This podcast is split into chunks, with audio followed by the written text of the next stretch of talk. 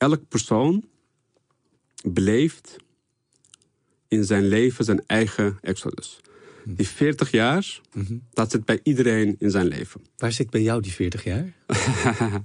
Volgens mij zit ik er nog steeds erin. zit ik er nog steeds erin. Dit is aflevering 4 van Exodus.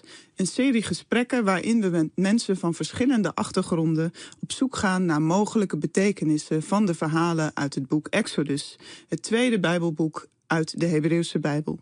Experts en ervaringsdeskundigen die laten hun licht schijnen op verschillende thema's die in de afleveringen ter sprake komen. Zo gaan we het hebben over uh, slavernij, over bevrijding, verslaving, het land ontvluchten en natuurlijk ook over identiteit. En in deze aflevering spreken we met Mehmet Jamali. Welkom. Fijn dat je er bent. Fijn dat je er bent, Mehmet.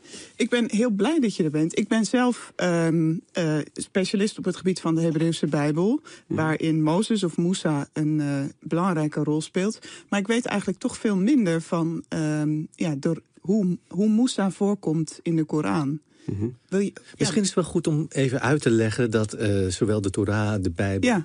als de Koran een aantal boeken delen van het Oude Van een aantal verhalen eigenlijk delen. ja. ja. En ja, dat Mozes is Musa in de Koran. Dat klopt. En Mozes of Musa betekent eigenlijk ook uh, uh, hetgeen wat het water bracht.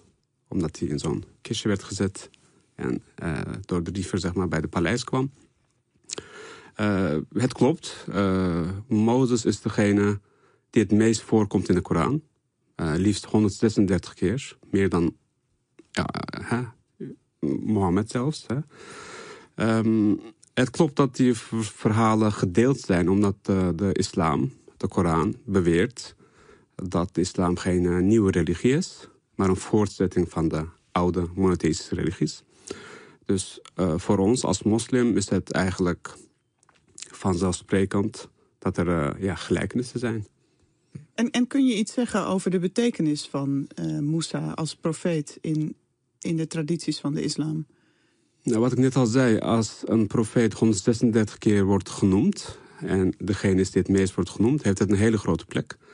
Uh, de tweede surah uh, van de Koran, surah Baqarah... Uh, dat is 286 versen. En dat is de langste surah uit de Koran.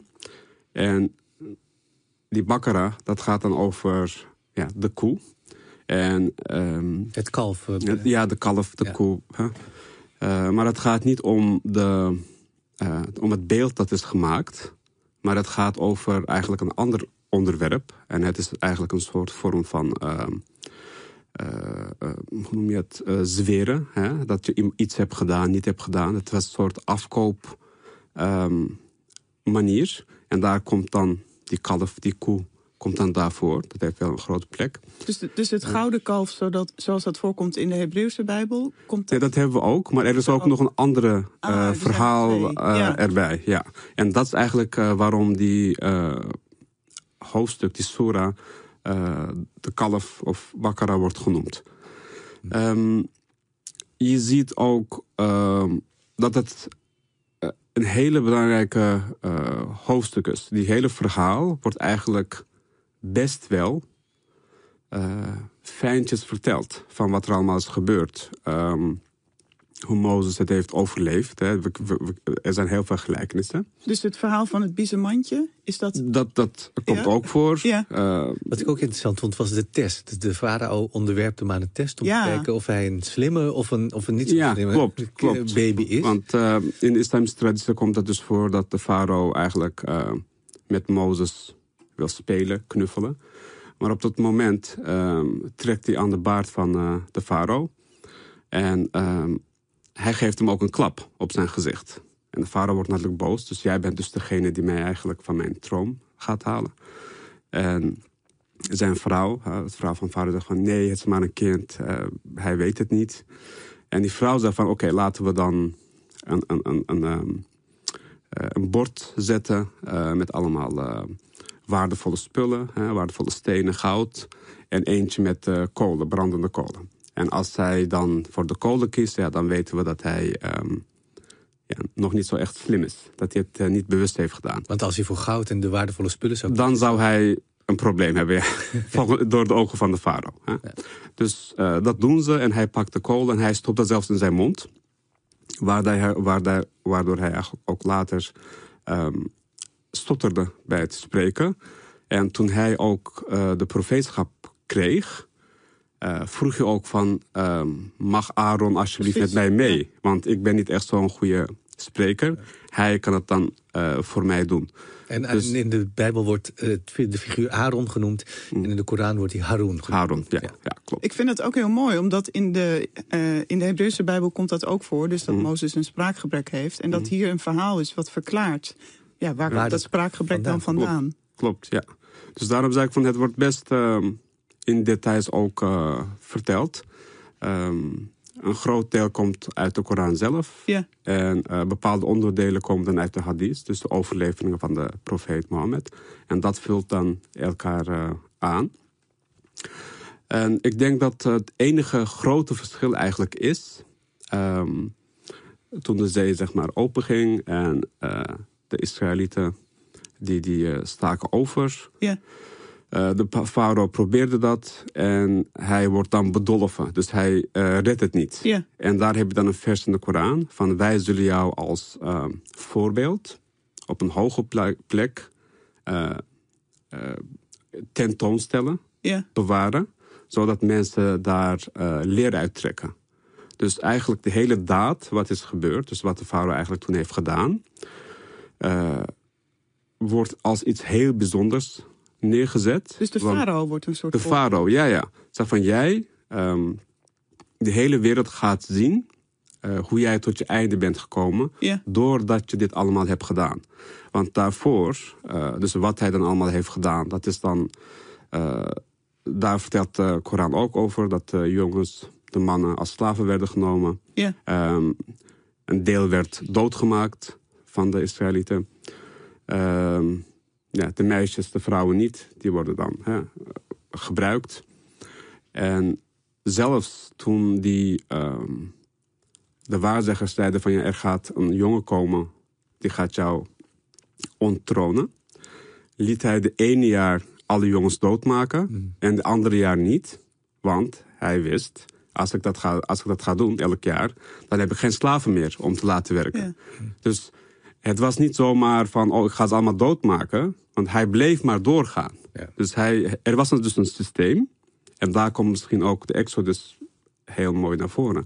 Er was een systeem. En hij wilde per se dit systeem niet verlaten. Omdat dat uitkwam voor hem.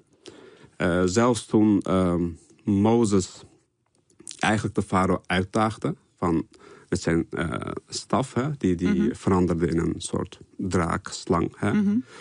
Um, de uh, twee magiërs die dat hebben gezien. Dus zij deden hun trucje met touwtjes en zo. Hè. Licht uh, leek het alsof het slangen waren. En dan gooit Mozes zijn staf. En die slang, um, draak, die eet dan die, die touwtjes op. En die twee magiërs die dat deden... Uh, die accepteerden meteen Mozes als profeet. En zei van ja, wij die accepteren... Egyptische magiërs. Die Egyptische die, magiërs, ja. ja. Die accepteren meteen Mozes als profeet. En zei wij geloven in jouw God. Want dit kan niet een, een truc zijn. Want mm. wij zijn degene die de beste truc ja. maken. Dit is geen truc. En de farao die zegt van ja... Dus jullie hebben Mozes geleerd om dit te doen. Dus hij zegt, de magiërs gaan hem afstraffen daar. Ja. Mhm. Maar dat dus lukt dus niet. En dan verwijt hij de magiërs van, ja, jullie hebben dat dus aan Mozes gedaan. Dus het zit bij hem zo diep, zeg maar, uh, die ego, ja. um, dat het gewoon, um, hij was ja, verblind. Ja. Eigenlijk. Dus hij, hij is een afschrikwekkend voorbeeld van een zeker, heerser die zeker. zijn macht misbruikt en die verblind is. Klopt. Er zijn nogal hedendaagse parallellen met heersers ja, die ja, ja, verblind zijn door macht. Klopt, zeker. Hoe kijken we naar die verhalen? Want je hebt ook gezegd dat we niet dat als historische feiten die achter elkaar zijn gezet uh, moeten beschouwen. Maar uh, hoe moeten we wel naar die verhalen kijken? Uh, vanuit welk perspectief? voor mij persoonlijk, um, ik geloof wel dat het waar gebeurde verhalen zijn. Maar uh, er is wel een groot verschil van uh, wat zijn uh, de oorspronkelijke betekenissen van de woorden Van het Arabisch weet ik bijvoorbeeld dat één woord 30 betekenis kan hebben.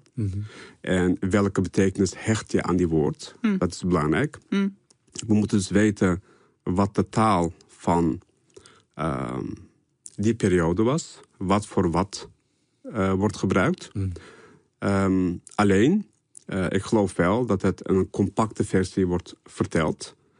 En ehm, er zitten geen jaartallen bij in de Koran. Er zit niet, hè, het wordt allemaal later, achteraf, wordt het berekend. En zegt van, ja, wie zou die farao kunnen zijn? Want de Koran noemt alleen maar farao. Geen namen, et cetera. Ehm, ja, wie zou dat kunnen zijn? Maar als je het, eh, laat ik het zo vertellen. In de islamische traditie, eh, als je veel dieper gaat eh, op spiritueel niveau, eh, wij geloven dat de Koran meerdere lagen heeft. Er wordt gesproken over een symbolische zeven, omdat het woord zeven, de cijfer zeven, in het Arabisch gewoon echt nummer zeven kan betekenen, maar ook zeven is voor oneindigheid. Dus het geluksgetal 7 gaat niet om die 7, maar oneindigheid. En die, een van die, eh, de basislaag is dan wat je leest. Dat, zijn Dat is dan eigenlijk Zeven voor- hemelen bijvoorbeeld. Bijvoorbeeld, ja. Ja. Maar dat wil niet zeggen dat het er gewoon echt 1, 2, 3, 4, 5, 6, 7 zijn. Ja. Maar het gaat erom meerdere. De oneindigheid. De oneindigheid. En wat dat is, en dat, dat vind ik dan persoonlijk mooi aan de Koran zelf. Eh, de Koran laat het aan ons over. Jij moet erachteraan gaan. Ik ga je niet alles voorkouwen. Ik geef jou die verhalen. Ik geef jou de voorbeelden, wat er is gebeurd. En het is heel interessant dat wij nog steeds onszelf daarin ook herkennen. Ja. We hebben het over ja, minstens duizenden jaren geleden. Maar steeds zie je dat wat daar is gebeurd... nog steeds vandaag weer En dat terugkomt. is een actief proces. Dus jij leest en je geeft betekenis. Of je, je, je kijkt wat kan, Klopt. wat kan zo'n verhaal betekenen. Klopt. Ehm, als je naar de Koran kijkt, eh, dat is misschien het bijzondere. Eh, de woorden die worden uitgekozen. Bijvoorbeeld, ehm, toen ik de Koran las als jonge man, kreeg ik een andere betekenis. Hmm. Eh, in mijn dertiger werd het weer anders. Kan je daar een voorbeeld van geven? Nou, in het begin denk je van dat God een soort vader is, een ouder, een, een leraar, lerares. Gewoon, ja, dit moet je doen. 1 plus 1 is 2. Hè? Dat kan niet veranderen. In het begin lees je gewoon dat. Van, dit is het. Zo is het. Maar naarmate je verder gaat, want ons brein eh, ontwikkelt zich ook. Hè? Nou, volgens de nieuwste wetenschappelijke eh, informatie gaat ons brein minimaal tot onze 25ste door. Waardoor we begrijpen waarom pubers eigenlijk hè, soms door kunnen schieten, omdat er geen balans Ja. is. Hè? Ze zijn er niet helemaal af. Dat was een hele mooie, mooie eh, grafiek, zeg maar, met rationeel zijn en emotioneel Aha, zijn. ja. En bij pubers, ja, de rationele, dat was gewoon echt helemaal laag en emotioneel was gewoon. Hè? En later in ons leven komt dat weer dichter bij elkaar. Ja. Dus ik las dat dan emotioneel op die manier. Maar naarmate je rationeler wordt, dan zie je van, oh, dat is eigenlijk helemaal niet zo. Er is hier een zo'n grote opening eigenlijk. Want het zegt niet, dit is het. Het zegt, ga, eh, het geeft een pad. Ja. Maar het einde van die pad, dat is niet in zicht in de Koran. Dus jij moet die weg gaan bewandelen. En dan kan je daar eh, tussenwegen vinden, splitsingen vinden. Je kan je eigen ding erin bijzetten. En eh, wat ik ehm, heb begrepen, hoe ik het heb geaccepteerd, hoe ik het voel, is... met sommige dingen zegt de Koran van, dit kan niet. Dat is dan ook een bepaald woord. Nou, Ja. Haram. Hè, Ja. hè, eh, ja, mensen doodmaken. Is haram. Eh, de Koran ehm, heeft over twee dingen. eh, waarbij God zegt van... buiten deze twee dingen kan ik alles vergeven. Nou, wat is de eerste? Nou, afgoderij. Wat we hebben over shirk. Maar dan komt het interessante.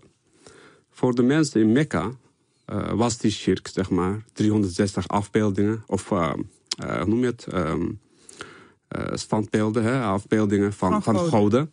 in de Kaaba, in de kubus daar. Ehm, dan betekent dat eigenlijk, dus je moet van die 360 niks verwachten. Dus er is maar één God, er is één schepper. En het tweede is de rechten van mensen. Dat is, uh, in het Westen heb je een hele moeilijke. Uh, het is heel moeilijk om dat in het Westen op die manier uh, te vertalen. Want in het Turks of Arabisch heb je daar um, een andere woord voor. Dat en als je dat zegt, Ja. dan begrijp je meteen. Dan begrijp je het meteen. Wat die rechten zijn. Wat het betekent. Het is niet alleen maar um, iets van iemand afnemen, maar ook iets slechts tegen zeggen over iemand. Mhm. Dus ik zeg tegen jou over haar iets slechts, of andersom. Ik ben daar verantwoordelijk voor. Mhm. En God zegt dan: Ik vergeef dat niet. Mhm. Jij moet het met die persoon goed maken. Dus dat zijn de twee dingen. Ja. En dit kan je van doodmaken, diefstal, tot roddelen. Hè, kan van heel groot naar heel klein gaan zijn. Maar nu als we het over afgoderij hebben, dus wat in de Koran als shirk wordt genoemd, hè, dan komen er nu andere dingen bij. Waar mensen gelukkig langzamerhand bewuster van worden. Want wat betekent dat nou? Um, geen afgoden nemen is dat je de schepper, ja, hoe je hem, haar, het ook wil noemen, Mhm. in het centrum van je leven is. En dat wil niet zeggen dat je 24 uur per dag, per dag aan het aanbidden bent. Nee, dat je alles met die reden doet. Dus de fundering is dat, met in je achterhoofd, dat je dagelijks leven voortzet. Maar als dat nou macht is geworden, je doet alles voor macht, dat is jouw God geworden. Mhm. Um, je hele leven is, bestaat uit uh, ja, wat, uh, geld verdienen. Mhm. Dat is jouw God geworden. Je hele leven bestaat uit um, relaties. Of zo ver gaan voor iemand. Hè? Die persoon is dan jouw God geworden. En dat zijn allemaal vormen van afgoderij die, die afgekeurd worden. Maar ja. waar wij het eerder ook over hadden, de, de democratisering van, van de boeken is eigenlijk ook wat jij zegt. Mhm. Mm -hmm. Je moet er uh, je eigen verhaal uit, uh, uithalen. Mm Mhm. -hmm. En je moet, uh, naarmate de leeftijd vordert, verandert die interpretatie ook. Mm -hmm. Maar er zijn zoveel mensen die zeggen, ja, maar ik heb gelijk. En er zijn ook heel veel mensen die het heel prettig vinden dat iemand anders vindt wat, wat diegene vindt. Mhm. Dat de ander duiding geeft en dat de ander zo willen volgen. Mhm. Hoe zorg je dat die verantwoordelijkheid van um, het interpreteren van die eigen verhalen voor je eigen leven ruimte krijgt? Dat mensen de ruimte nemen, maar dat die ruimte ook door anderen gegeven wordt. Uh, daar staat de Koran eigenlijk ook heel erg open voor. Want er is een overlevering van een profeet. Er komt een Bedouit bij hem. Zegt van ja, ik ben niet zo echt een slimme man. Hè? Uh, zeg geen uh, diepe dingen tegen mij. Uh, wat moet ik doen om in de hemel te komen? Hij zegt van wees een goed mens. Doe je gebeden. Vast. Hè? Uh, geef je aalmoes. De zakat. Hè? Dus uh, geef je aalmoes. Uh-huh. En jij zal naar de hemel gaan. Heel simpel. Mm. Eén op één wordt het gevraagd en hij antwoordt. Als dat voor jou werkt, Mhm. prima. Ik ken heel veel mensen voor wie dat werkt. Mm. En dat is ook goed. Want hun ding is, oké, ik doe dit nu voor God. Ja. En dat wordt van mij verwacht en dit is goed. Maar uh, sommige mensen, uh, die hebben zoiets van... In die boeken eigenlijk, niet alleen de Koran, in de boeken... Uh, er zit veel meer. In de Koran zelf staat van... Uh, er zijn versen die open zijn voor sommige mensen... en die Hm. geen betekenis zullen hebben voor andere mensen. En dat bedoelde ik net met... als je eenmaal... als je, als je echt... Uh, als je het echt wil... Ja, en je kijkt er echt serieus naar... dan beginnen sommige dingen te openen. Dan Mm. heeft het veel meer betekenis. Zie het als... We hebben de wetenschap, hè, wat ik altijd zeg, 1 plus 1 is 2. Maar dan krijg je ook filosofie. En dan ga je vanaf een punt naar een bepaalde punt. Ja. En dan kan je ook kan je naar de wereld op een andere manier Mm. kijken. Dat wil niet zeggen dat die persoon gelijk heeft. Hè? Dan volg je wel de voetstappen van wat klopt er voor jou en voor jou niet. Mm -hmm. En dat is dan aan de persoon zelf. Uh, daarom heb je dus uh, de religieuze leiders, dus aanhalingstekens, nou, de priesters, de imams, uh, de, de rabbijnen, die geven dan de preken. Hè? Nou, vrijdag, zaterdag, zondag worden die preken gegeven. Dat is dan voor die mensen. Dat is dan de fundering waar je mee op weg kan. Maar het is ook maar één interpretatie. En het moment dat die interpretatie, of het nou een dominee is of een imam... Mhm. het moment dat de interpretatie van één persoon als waarheid wordt gezien... Mhm. snijdt dat niet de weg af van jezelf om je eigen interpretatie daaraan te geven? Nou, dat hangt echt van de ontvanger af. Een zender is alleen een zender. Mhm. Het is heel simpel. Als jij eh, echt geïnteresseerd bent, dan ga je er verder op in. Dus als bijvoorbeeld, als ik iets nieuws hoor van iemand, Ja. van een imam, dominee, wie dan ook. Hè? Ik zit constant op social media naar dingetjes te kijken. Hè? Ehm, en dan ga ik niet zeggen van ja, dit klopt. Ik zeg, oké, laten we kijken waar het vandaan heeft. Hè? Waar, wat de bronnen zijn, et cetera. Dus ik ga er zelf achter. Dus het is eigenlijk aan de persoon zelf. Hè? Of hij daar eh, iets mee wil of niet. Want het komt allemaal terug op dit. Je zei net van, ja, één interpretatie. Ehm, dat is sowieso de ego Ja. van een mens. Dus dat we dan nefs noemen, hè? de ego, superego, noem maar op. Dat is de afgang van de mensheid. En De afgang, wat bedoel je daarmee? nou, ehm, als we naar het scheppingsverhaal kijken, ik ga, ik ga nu even heel erg eh, Ja, ja, ja. terug. Eh, dan heb je het eigenlijk over, er wordt, de mens wordt geschapen, Mhm. Adam. Hè. Adam betekent ook in het eh, islamische traditie, kan het ook de mens betekenen. Hè. Dus of het er één was, meerdere was, dat is allemaal, hè, dat gaan we nog zien. Met wetenschap, et cetera, et cetera. Maar uiteindelijk komt het op neer dat er is een schepper en er is een tegenstander.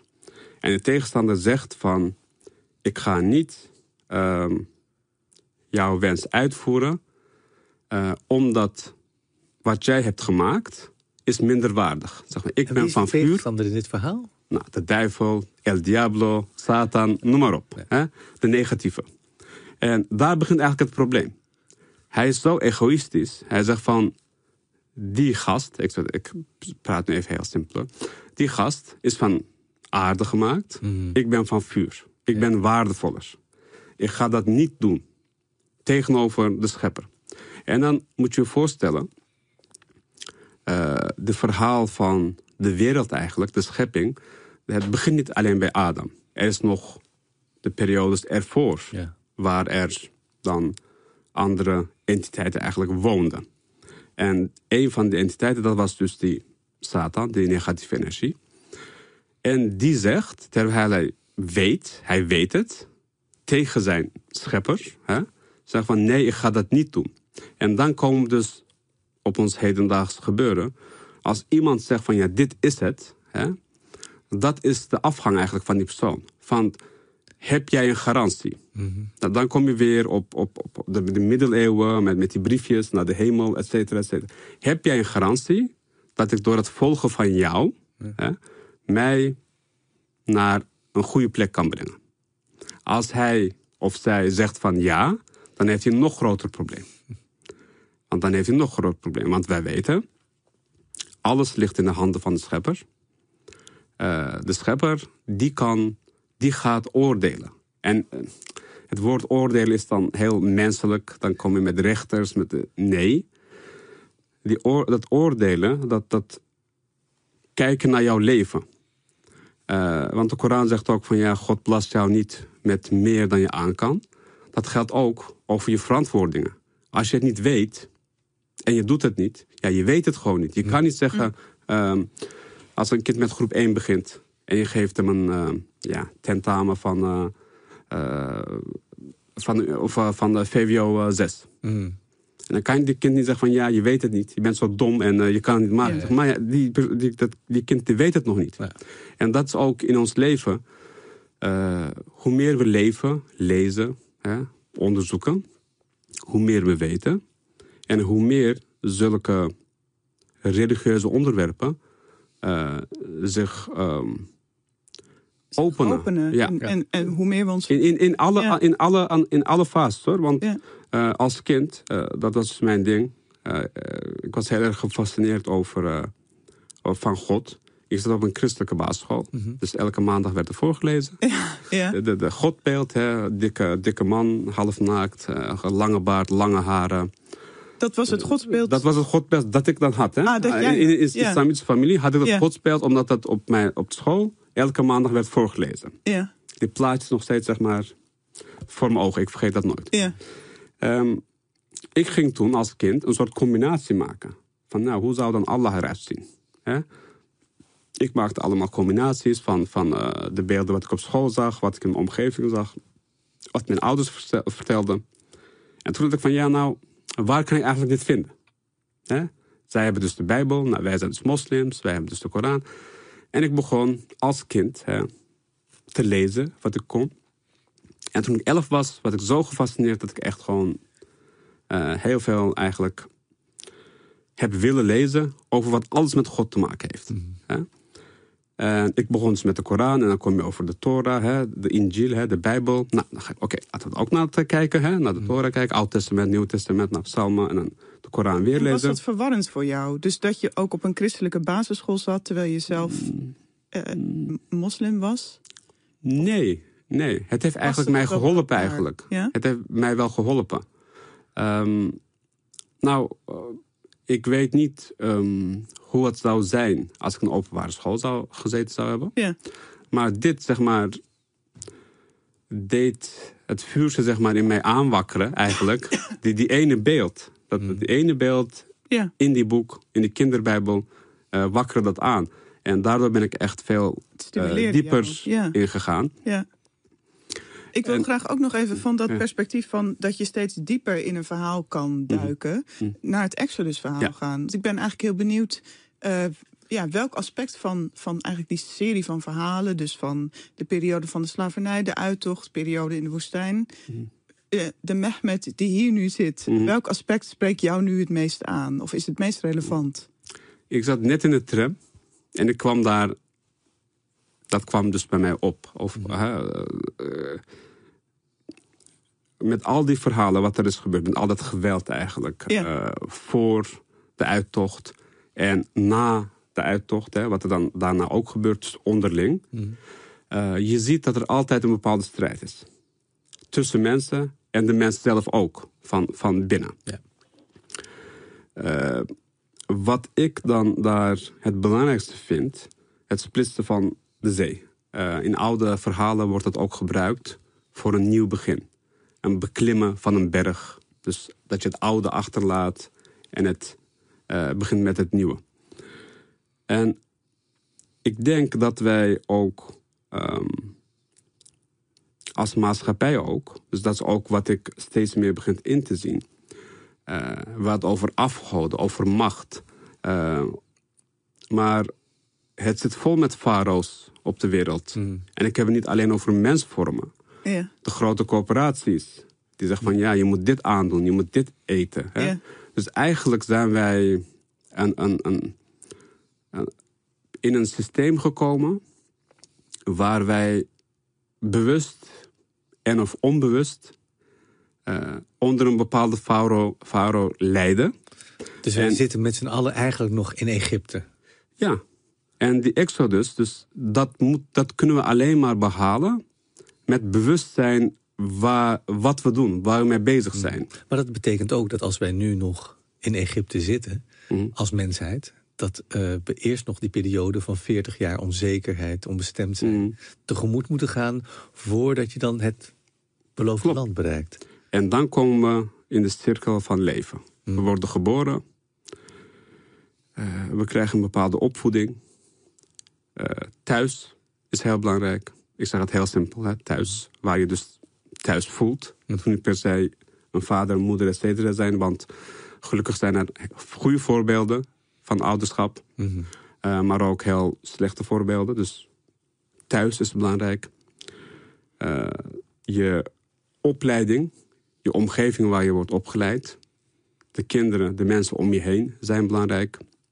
En dit gaat maar verder. En elk persoon beleeft in zijn leven zijn eigen exodus. Die 40 jaar, dat zit bij iedereen in zijn leven. Waar zit bij jou die 40 jaar? Volgens mij zit ik er nog steeds erin. zit ik er nog steeds erin. Maar wat heb je achter je moeten laten en waar ben je nu aan, naar aan het zoeken? Nou, ik ben nu veel bewuster van. Ik zat ook in die. eh, ik was ook een van die wagons, wagons zeg maar, die, die achter zo'n locomotief liep. Hè, van, Hmm. Ik wilde ook Nike's als kind. Eh, nou, mijn ouders hadden het niet zo goed. En, hè, en iedereen had dan eh, van die schoentjes. En dat, ik dacht dan dat dat dan iets speciaals was. Hè.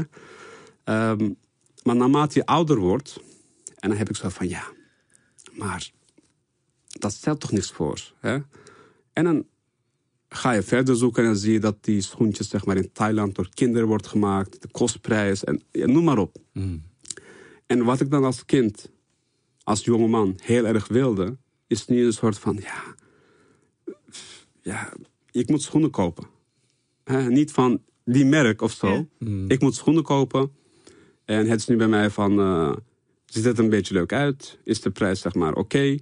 Hè, eh, dus van eh, iets heel erg willen, is het me veel bewuster geworden. Van ja, wie maakt het? Wie zijn dat? Eh, die reclames, zelfs de reclames, van wat willen ze mij vertellen? Ja. Sta ik daarachter? Dus die Of 40 niet? jaar gaat eigenlijk ook over doorprikken van, van systemen waar we misschien in vastzitten. En het loslaten van dingen waar je ooit waarde aan hechtte. En een soort heroriëntatie van wat, Klopt. wat doet er echt toe. En dat, dat is dan zeg maar eh, misschien de periode na het splitsen van de zee. Ja, Wat je dan onderling de problemen had. Van ja, ja. wij willen het ook zien. Hè? Bewijs het maar.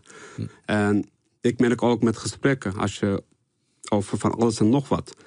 eh, je krijgt ook heel veel weerstand. Zeg van ja, jullie zien dit toch. Hè? Dit, kijk, dit gebeurt er. Kijk, dit, dit, dit, dit, dit gebeurt er. Ehm, met de gebeurtenis nu op de wereld. eh, de oorlog, hè? Rusland, Oekraïne. Maar dan zie je gewoon, er is geen goede of een slechte kant. Als je veel dieper kijkt. Hè? Ehm, ik begrijp de mensen in Oekraïne.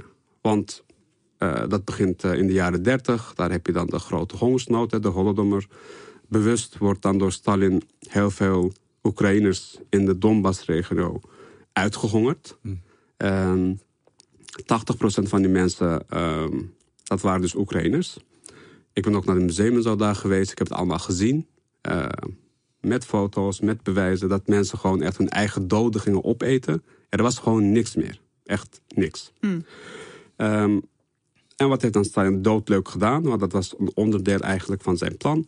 Hij heeft allemaal Russen gestuurd. Dus daardoor heb je eigenlijk nu de Donbass-regio... waar er heel veel Russen zijn, komt eigenlijk van die periode. Ja. Nou, Crimea, de Tataren worden in treinen gezet. Stuur maar op, geef ze niks te eten, laat ze maar doodgaan. Wat hebben ze weer gedaan? Stuur maar Russen naar die plek. Ja. Dus al die plekken die zijn bezet, dat is eigenlijk van toen. Maar dan heb je de andere kant. Ja? Eh, nou, de Verenigde Staten, Europa, zie je allemaal een, een machtsspel. Wie gaat wie, naar wie luisteren, wie gaat doen wat wie wilt. En zeg van ja, probeer gewoon een paar stappen terug te nemen. Hè? Ehm, denk aan de mensen die eronder lijden. Echt, die daar echt problemen hebben, die daaronder lijden. Maar ga niet een kant kiezen. Hè? Dat ik anti-Poetin of pro, eh, noem maar op. Want dat ben ik ook niet. Ik probeer nu in mijn leven ook. Daarom zei ik van na de Exodus.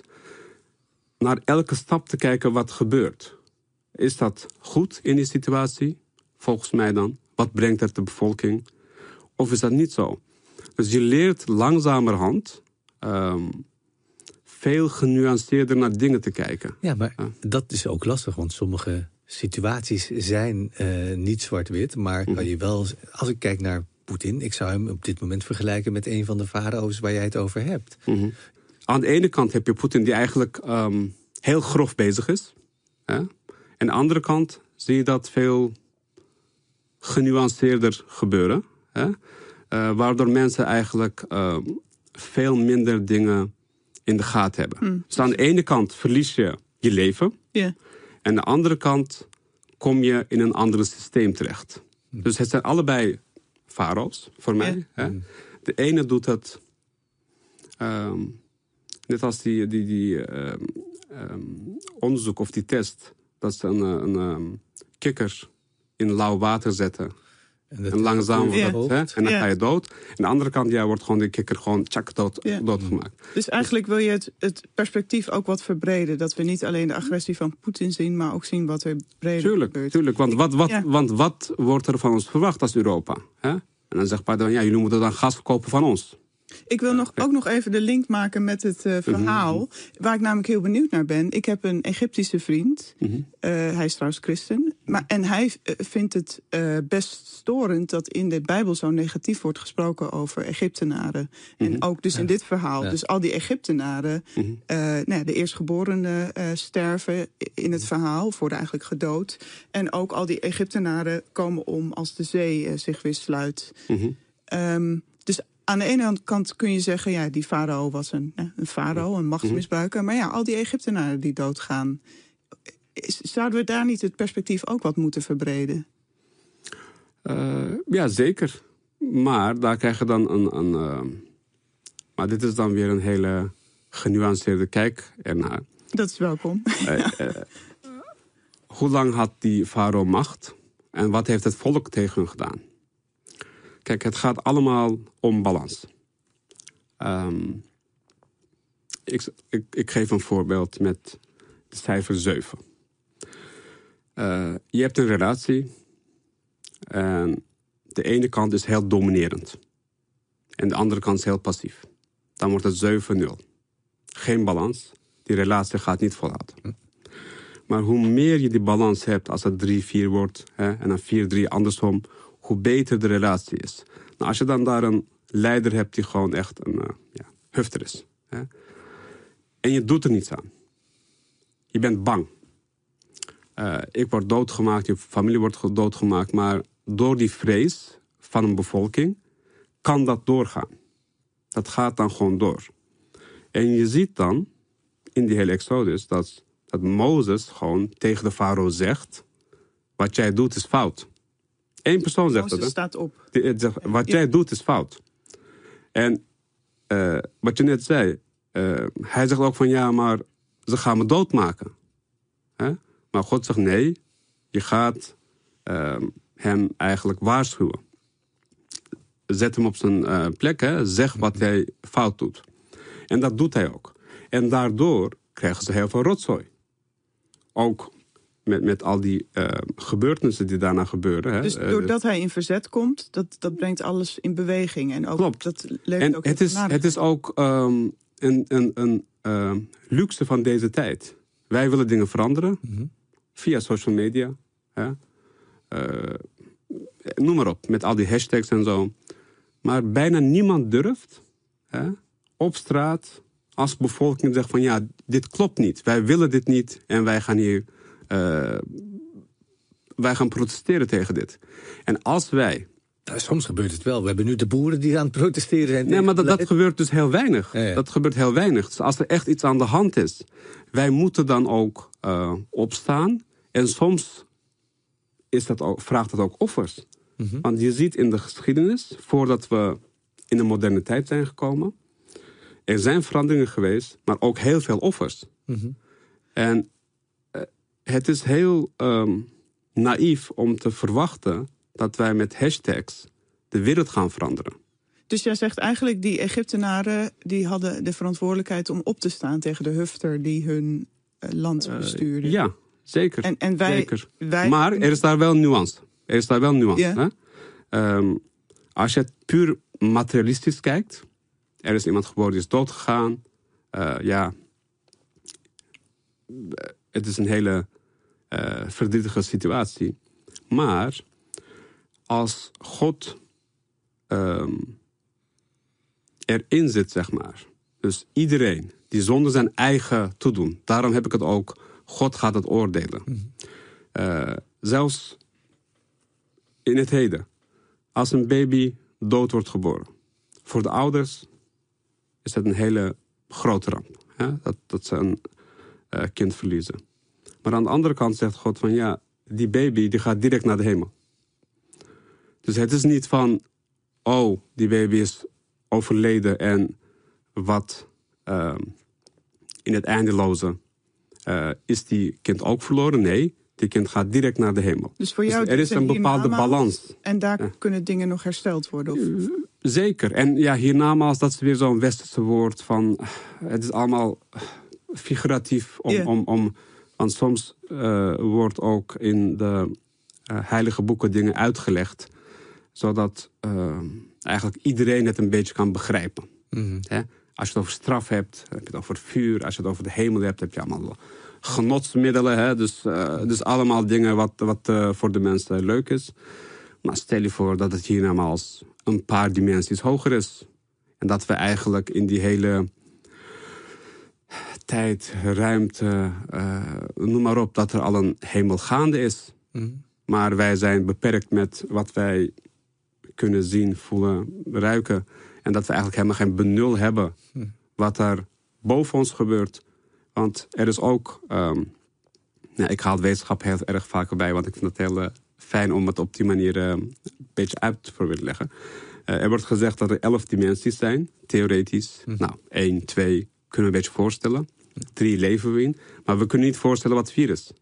We kunnen alleen maar zeggen of denken, hè, dat is dan theorie, dat er dan geen tijd zal zijn. Hè, maar we weten het niet. We, we, weten wel wat 2D is. Dan heb je oude uh, games, hè, waar je 2D-platformspelletjes, nou dan weet je dat is 2D. Hè. Maar we weten niet wat 4 is, 5 is, 6 is. En wetenschappers zeggen van ja, als er een God bestaat, dan zal hij op uh, nummertje 11 zijn. Dus uh, wat er nu hier gebeurt, wij weten niet wat op de vierde, vijfde, zesde, uh, noem maar op wat er allemaal gebeurt. We weten ook niet of het bestaat. Nee, maar dan komt het punt van ja, geloof erbij. Geloof je mm. in zoiets? Ja. En geloof je in een schepper en dan kan je teruggaan naar de bron van discussie van hoe en wat, waarom lopen we hier rond en waarom gebeurt er allemaal zulke vreemde dingen. Maar aan de andere kant, waarom zijn we gezegend met dingen zoals liefde, zoals barmhartigheid, zoals genade? Uh, wie heeft dat qua instinct ons aangeleerd uh, met dieren? bijvoorbeeld. We, we lopen tegen het einde van het programma, maar er zijn ook een aantal uh, wetenschappers die, die ooit in een televisieprogramma uh, zijn samengekomen. Mm. En die zeggen: ja, maar wat we hier beleven, wat we hier ervaren, is gewoon één groot schitterend ongeluk. Het is allemaal toeval geweest. Om nog maar een groot thema aan te snijden. ja, goed, nee, maar je, ja, ja. Je, je, we weten een groot thema voor het einde. maar, maar, het is heel simpel. Filosofisch als mens. Mm. We lopen hier rond. Mm -hmm. Alles wat we om ons heen hebben, het hele universum. Uh, ze hebben een nieuwe foto van de Hubble. De nieuwe is nog uh, aan het schieten, zeg maar, die foto's. Hè. Hebben ze echt een uh, klein stukje genomen die helemaal donker was. En daar zat dan uh, meer dan 100.000 galaxies. En je kan dan zeggen, het is allemaal toevallig gebeurd. En dan kom je van, ja, oorzaak, reden, oorzaak, reden. Nou, er moet een oorzaak zijn. Er moet een oorzaak zijn. Ik denk dat eigenlijk iedereen wel gelooft Alleen, jammer genoeg, religie, geloof is zo uh, negatief geworden. Door ook wat er is gebeurd en gaande is, dat mensen eigenlijk daar niet een optie meer in zien. Maar als ik zou zeggen bijvoorbeeld dat. Nou, jij hebt het ook over de levende. De als je dat een bepaalde naam geeft. De, de, dus, um, de oneindige kracht, mm. bijvoorbeeld.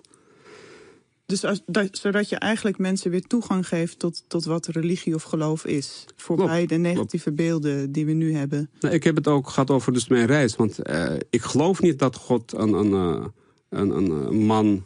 Uh, wie, wie, wie heeft gezegd dat God een man was? Ik kwam daar pas achter toen ik in de Koran zei van ja, er wordt helemaal geen hij gebruikt. Hè? Daar wordt gezegd van ja, één woord. Dat is, ja, eh, in het Turks kan je dat vertalen. Heb van oh. Maar die weet dan niet of het een man of een vrouw is. Mm. Dat heeft, het heeft geen geslacht. En daar wordt gezegd over, ja, wij hebben dit gedaan. Als God over zegt, zegt wij, is een meervoud. En als je dan afgaat van het menselijke, van dat God een soort man daarboven op een wolk zit, of weet ik veel wat. En dan heb, dan heb je een veel uh, grotere uh, speeltuin eigenlijk over religie. Van ja, wat is God dan? Maar ook veel meer verwarring. Ik denk dat uh, de, je hebt een heel fijn inzicht gegeven in de zoektocht waar jij mee bezig bent en hoe we dat ook relateren aan Exodus. Ik denk dat jouw zoektocht niet afgelopen is. Uh, die zal eeuwig door blijven gaan. De onze zoektocht ook, uh, is, ja. is verre van afgelopen. Voor nu wil ik je wel enorm bedanken voor het gesprek en het inkijken dat je, hebt ons, dat je ons hebt gegeven. Dus, dus dank daarvoor. En ik heb veel om over na te denken de komende tijd. Dus veel om op te kouwen. Maar dat heb jij veroorzaakt veroorzaakt. En dat, uh, oorzaak, reactie. Oorzaak en reactie. Ja. Dank daarvoor in ieder geval. Nou, dank Dankjewel, Magnet. Dankjewel.